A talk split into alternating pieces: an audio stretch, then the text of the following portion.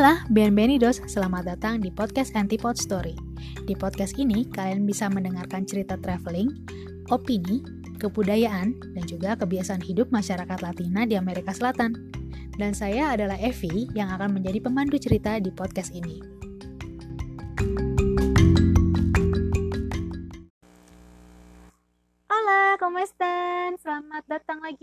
Story, pendengar semua. Apa kabarnya? Semoga pada sehat-sehat ya. Udah masuk bulan Februari nih, artinya sudah hampir setahun kalau di Kolombia itu mengalami yang namanya karantina gara-gara pandemi COVID-19. Ya, mungkin di Indonesia juga, mungkin di belahan dunia yang lain juga udah lebih dari setahun kali ya. Nah, buat yang doyan traveling kayaknya pandemi ini emang ngetes kesabaran banget. Karena kan segala macam keterbatasan ini kita nggak bisa ke mana-mana ya. Pun kalaupun bisa sebaiknya sih ditunda dulu gitu. Daripada kita terjangkiti atau kita menjangkiti virus itu gitu. Karena kita kan nggak pernah tahu ya. Dan kalau saya sih sebelum pandemi ya sering juga traveling. Ya eh enggak sih enggak sering-sering banget. Cuma emang suka memberikan waktu uh, untuk kalau bisa sih keluar dari rumah gitu untuk refreshing gitu. Nah semenjak di Kolombia ini saya biasanya kalau traveling tuh agak lama biasanya lebih dari satu minggu. Tapi ya nggak traveling ke hura-hura buang-buang duit ke tempat-tempat turistik gitu tapi lebih banyaknya tuh stay di hostel. Karena apa ya? Lebih lebih asik aja gitu bisa mengamati orang-orang yang ada di dalam hostel terus juga bisa ngobrol sama resepsionisnya terus juga bisa jalan-jalan ke pasar ke stadion atau ya sekedar untuk melihat aktivitas orang-orang lokal. Tapi ya semenjak pandemi ini sih agak-agak kurang gitu. Ya mau gimana lagi ya emang agak sulit sih dan juga nggak memungkinkan banget lah jadi waktu dulu masih sering traveling gitu saya tuh suka ngamatin gimana sih uh, traveler traveler lain gaya travelingnya. Dan ternyata itu beda banget loh orang-orang yang ada di Amerika Selatan dengan orang-orang yang traveling di belahan dunia yang lain. Uh, maksudnya gini kalau di Asia itu gaya travelingnya beda. Di uh, Amerika Serikat saya kurang tahu. Dan di Australia itu juga beda jadi kan saya mulai traveling tahun 2014 ya dan dimulai itu di Asia. Di Asia itu gaya travelingnya kalau menurut saya ya lebih banyak yang foya-foya gitu. Uh, dari orang-orang Eropa dan juga orang-orang Amerika bagi utara yang saya perhatikan tuh mereka lebih uh, hidupnya lebih santai dan mereka lebih banyak party lebih banyak menghabiskan uang untuk uh, jajan dan untuk sewa kendaraan atau demi sekedar untuk tinggal di uh, apa ya tempat atau hotel yang baik gitu yang bagus. Nah kalau di Australia sendiri saya lebih banyak bergaul sama teman-teman backpackers uh, karena mereka kan sebagian besar yang saya temui mereka adalah working holiday makers. Jadi mereka berpindah dari satu tempat ke tempat lain dengan harapan bisa bekerja di tempat tersebut gitu. Jadi mereka juga lebih lebih sa lebih hemat malah gaya gaya travelingnya gitu. Karena um, karena kan kerjaannya juga nggak begitu banyak dan jadi kalau mereka banyak ngabisin duit itu bakalan berkurang terus kan uangnya. Nah apalagi ya Australia itu mahal sekali. Jadinya mereka lebih apa ya lebih santai gaya hidupnya dan lebih berhati-hati dalam mengeluarkan uangnya. Dan biasanya orang backpackers yang saya temui itu mereka tuh lebih sering camping atau mereka tinggal dalam uh, mobil kayak gitu. Karena ya memang kondisinya seperti itu gitu. Dari satu tempat ke tempat lain mereka tuh biasanya berpindah-pindah demi mendapatkan pekerjaan gitu. Jadi kalau udah bosan di satu tempat mereka pergi ke tempat lain untuk mencari pekerjaan baru. Bisa juga karena musimnya juga sudah habis gitu. Nah sementara kalau di Amerika Selatan khususnya di Kolombia itu sangat sangat sangat sangat berbeda. Karena di Kolombia ini saya bertemu dengan orang-orang lebih banyak orang-orang Amerika Selatan saat mereka traveling. Dan um, mereka itu gaya travelingnya ini lebih lebih hemat lagi dibanding orang-orang yang traveling di Australia. Karena apa? Kalau teman-teman mungkin uh, pernah dengar istilahnya backpacker. Bukan backpacker tuh yang istilah baru bukan yang backpacker ya yang jadi backpacker itu adalah uh, istilah ini baru saya temuin tuh tahun 2017 atau 2016 saat uh, traveling itu sangat booming dan uh, banyak sekali orang-orang uh, dari Eropa pergi ke Asia tapi mereka itu apa ya istilahnya di jalanan mereka tuh suka jualan gelang-gelang, postcard atau mereka ngamen. Nah, makanya istilah backpacker atau pengemis yang suka traveling itu muncul. Nah, ternyata kalau di Amerika Selatan, saya sering banget tuh nemuin orang-orang seperti itu. Tapi menariknya adalah uh, mereka nggak menganggap diri mereka sebagai orang yang meminta-minta. Mereka tidak menganggap diri mereka tuh mengemis karena sepertinya uh, budaya di Amerika Selatan itu memang sudah apa ya sudah lazim gitu kalau kita melihat para traveler ini um, menghabiskan uangnya dengan sangat-sangat sedikit gitu loh contohnya nih mereka lebih suka untuk menjadi volunteer di hostel supaya nggak mengeluarkan biaya akomodasi. Terus juga untuk menambah uang makan mereka biasanya tuh pergi ke jalanan untuk jadi pengamen atau jadi apa tuh yang suka juggling gitu loh juggling bol dengan tiga bola. Oh ya kalau untuk volunteer itu maksudnya gini mereka tinggal di hostel mereka tukar jam kerja mungkin empat jam dalam sehari dengan uh, akomodasi gratis dan biasanya mereka tuh kerjanya macam-macam bisa jadi resepsionis bisa jadi tukang masak bisa jadi tukang bersih bersih atau mereka bertukar uh, kemampuan mereka dalam bikin mural dan sebagai imbalannya, pemilik hostel akan memberikan akomodasi, akomodasi gratis atau juga bisa dikasih uh, sama makanan gitu. Nah, itu lazim banget saya temuin di Amerika Selatan ya, di Kolombia maksudnya. Dia sempat bertanya pada seorang backpacker asal Peru, kenapa sih dia memilih gaya hidup seperti ini? Gitu, yang traveling lama, terus tinggal di hostel, terus kerja, terus uh, ngamen istilahnya di lampu merah. Ini dia nih alasan dia.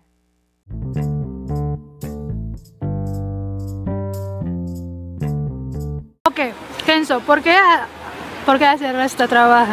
Y en realidad me dedico a hacer los malabares porque es la forma de cómo yo encontrar la felicidad que busco, ¿no? Uh -huh. eh, entre eso yo busco la, la, libertad que puedo tener. Para mí los malabares, hacer el circo también es algo muy lindo porque puedo transmitir un mensaje de arte, un mensaje, en el cual mucha gente al verme piensa de que puedo estar loco, que estoy viajando, haciendo esto, siendo tan joven, puedo dedicarme a tantas cosas. Pero yo creo que la mejor dedicación es buscar mi propia felicidad, esforzarme y trabajar para cumplir mis propios sueños y no el de los demás. Oke, barusan saja kalian mendengarkan oh, komentarnya Kenzo, seorang backpacker asal Peru yang saya temui di Medellin. dia traveling dengan anjingnya dari Peru terus jalan-jalan-jalan sampai deh ke Kolombia menggunakan sepeda. Nah, Kenzo ini uh, adalah salah satu roommate saya di hostel yang saya tempatin di Medellin. Waktu itu saya melihat Kenzo sedang beratraksi di sebuah perempatan lampu merah gitu. Jadi saya tanya aja deh, kira-kira menurut dia kenapa sih, uh, apa sih enaknya gaya traveling yang dia lakukan ini? dan menurut dia sih ya ini cuma gaya hidup dia aja dan saat dia melakukannya dia menemukan kebahagiaan jadi hidupnya tuh simple. Dan dia bilang gaya hidup ini membuat dia bahagia dibanding gaya hidup yang lain. Dan buktinya sih emang hidupnya tuh simple banget gitu. Karena di hostel dia volunteer untuk jadi resepsionis. Lalu untuk tambahan makan dia turun ke jalan gitu. Juggling beratraksi. Dan menurut dia dia tidak merasa kekurangan apa pun. Dan walaupun ada orang-orang lokal yang menganggap hal yang dia lakukan adalah sebuah hal gila tapi uh, dia tidak pernah mendapatkan perlakuan yang kurang menyenangkan dari penduduk lokal malah nih ya waktu saya lagi ngobrol sama dia ada penduduk lokal yang memberikan uangnya uh, kepada Kenzo untuk memberikan uh, apa makanan untuk anjingnya Kenzo. Oh, lucu banget ya.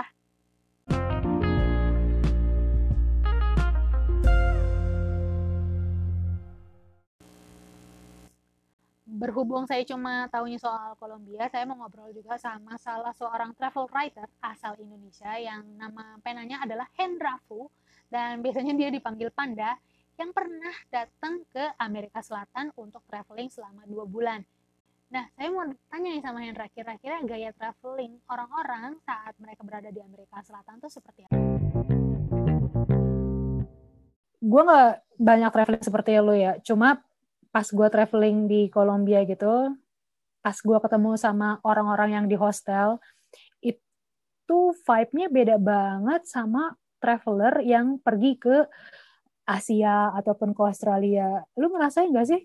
ngerasain kayak eh, nggak uh, tahu sih tiba-tiba mereka jadi switch uh, they try to be local uh, yang apa ya nggak tahu sih mungkin karena karena suasana kotanya membuat mereka jadi jadi kayak gitu nggak sih kalau gue sih ngerasanya gitu sih kayak gue ketemu hmm. teman-teman waktu lagi di Kuba gitu ya di Kuba itu ya orangnya bener-bener yang walaupun orang US tapi they they try to act like like uh, orang Amerika Latin gitu loh jadi kayak atau hmm. atau mungkin karena mereka juga di di satu sisi mereka dipaksa untuk berbahasa Spanyol juga jadi gesturnya pun juga mungkin berbeda cuacanya membuat hmm. behavior mereka juga mungkin berbeda karena cuacanya kan lebih hangat kan di bawah kan mungkin bisa gitu juga hmm. sih atau mungkin lo ngerasain hal yang hmm. beda dalam term yang gimana kalau gue sih jarang ketemu sama orang Eropa ya Eropa dan Amerika Utara waktu gue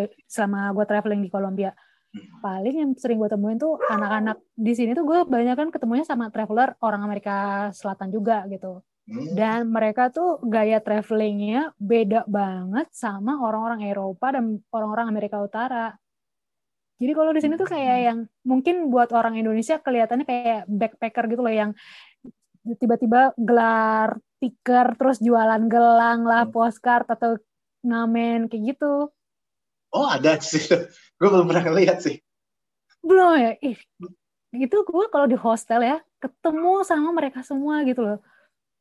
Dan entah ya kalau menurut gue karena kan di sini borderless ya negara-negara Amerika Selatan gitu. Hmm. Jadi mereka untuk traveling backpacker jalan kaki hitchhike itu tuh sangat memungkinkan gitu. Jadi mereka emang long term traveler jadi yang demi menghemat uang dia kadang apa ngamen lah atau apa tuh main akrobat di lampu hmm. merah kayak gitu. Biasanya lo ketemu orang dari negara mana gitu? Um, kebanyakan Argentina, Argentina, Peru, mm-hmm. Chile belum pernah gua malah ketemu sama orang Chile. Chile itu orang juga. terlalu terlalu gini nih. Chile. Terlalu, uh, oh iya. Kalau menurut gue sih ya, karena gue uh, kenal beberapa orang gitu ya dan mereka tuh kayak uh, sorry to say uh, mungkin sebagian aja sih yang merasa gitu ya. Kayak mereka agak underestimate orang-orang Amerika Latin lainnya. Mereka ngerasa uh, negara paling unggul lah. Mungkin karena dari segi ekonomi mereka merasa unggul ya. Walaupun hmm. sebenarnya ternyata dalamnya bobrok kan karena kemarin juga di demo habis-habisan kan demo massal di Santiago hmm. bulan lalu. Jadi ya nggak tahu sih. Gue gue belum pernah ketemu yang turis kayak gitu. Kalaupun gue ketemu turis lokal itu biasanya kayak ya karena ikut one day tour gitu.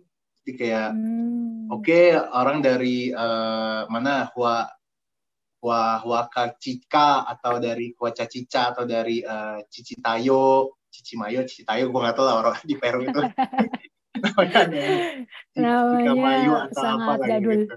jadi yang yang hmm. one one jadi which is kalau one berarti kan yang agak lumayan ya memang niat uh, punya budget Luar untuk hmm. jalan-jalan gitu ya kalau yang hmm. kayak backpacker sih so far gue selama dua bulan sih nggak nggak nggak pernah ketemu sih sama hmm. sekali kayak di hostel gue malah ketemunya kayak gue nggak tahu lu nginep di hostel mana ya kalau kalau gue sih kayak gue nginep di hostel itu malah memang banyak orang uh, bulenya Jerman terus juga uh, Jerman mah di mana-mana. Iya, Jerman di mana-mana. kayak kayak Batak ya. Di mana-mana ada ya. Iya, pengkolan ada. Uh, Batak ya orang Eropa tuh gitu. Jerman tuh. itu orang Eropa yang paling sering gue temuin tuh orang Jerman di sini. Iya, makanya itu. Eh, Jerman ya udah, udah kayak orang Cina Eropa gitu ya. Jerman terus juga orang orang US gitu ya US mah udah pasti banyak ya Kanada banyak nah, gue jarang ketemu.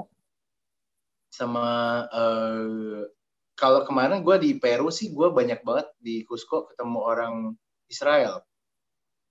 Banyak Hmm, banget. oke. terus anak-anak Oke, muda yang ini dandannya stylish stylish gitu padahal nginepnya di hotel di hostel yang cuma lima puluh ribu.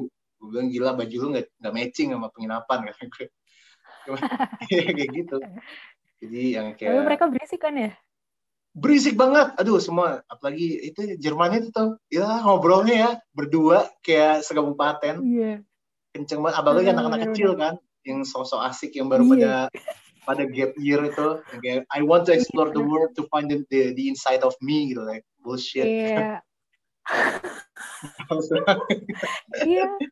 Itu waktu itu gue apa resepsionis di tempat hostel gue yang tinggal itu dia tuh udah punya daftarnya tuh orang dari negara mana yang paling berisik dan itu top of the listnya tuh si orang Israel.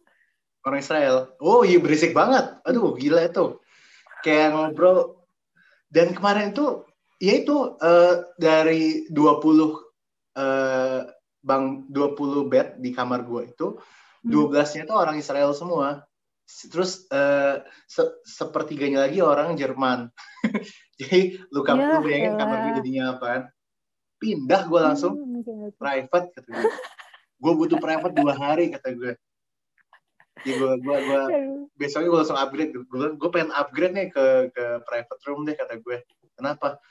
I need solid eh, apa ya? Ne- necesito tran- tra- tranquility. Tranquilidad. Ah, Tranquilidad. Pokoknya gue ngomong kayak gitu lah. Akhirnya ya sudah lah. Ay, Iya. ampun. Oke. Eh, oh iya nih, lu juga lagi bikin buka kan? Eh buka. Buku lu kapan terbit yang julid-julid itu? Eh, jurnal tulis julid ini sebentar lagi bakal dikirimin ke para Hmm. pembeli. Cuma karena ini kan gue penerbit indie ya. Penerbit Hmm. indie gue jualan sendiri sama mereka ada toko eh, online shopnya gitu. Jadi mereka juga bantu penjualan. Cuma kalau untuk masuk ke toko buku, gue harus eh, kontak ke pihak marketingnya segala macam.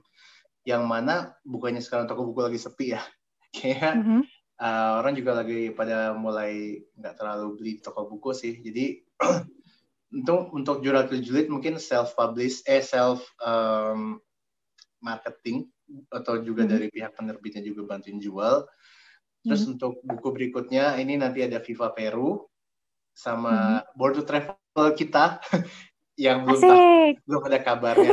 Nanti gue harap segera karena gue udah udah follow up juga ke pihak penerbitnya. Ya seharusnya tahun ini sih keluar juga dari pihak Gramedia. Hopefully. Yeay. Aduh, Julid banget ya penulis yang satu ini pantesan aja bukunya turis julid itu harus diterbitkan secara indie. Kebayang nggak sih kalau bukunya diterbitkan oleh eh, apa namanya penerbit mainstream? Wah, bakalan banyak banget tuh yang bakal diedit tulisannya. Nah, buat teman-teman yang pengen tahu seberapa julidnya si turis yang satu ini, silakan pesen bukunya Hendra. Kalian bisa menghubungi Doi lewat Instagram I'm not backpacker. Sekali lagi, I'm not backpacker.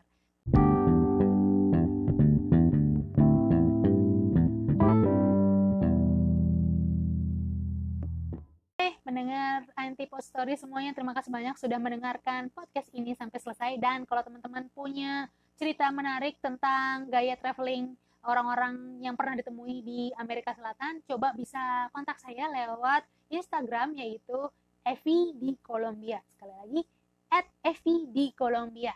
Oke, terima kasih sekali lagi. Kita bertemu lagi di podcast-podcast berikutnya. Hasta luego. Ciao.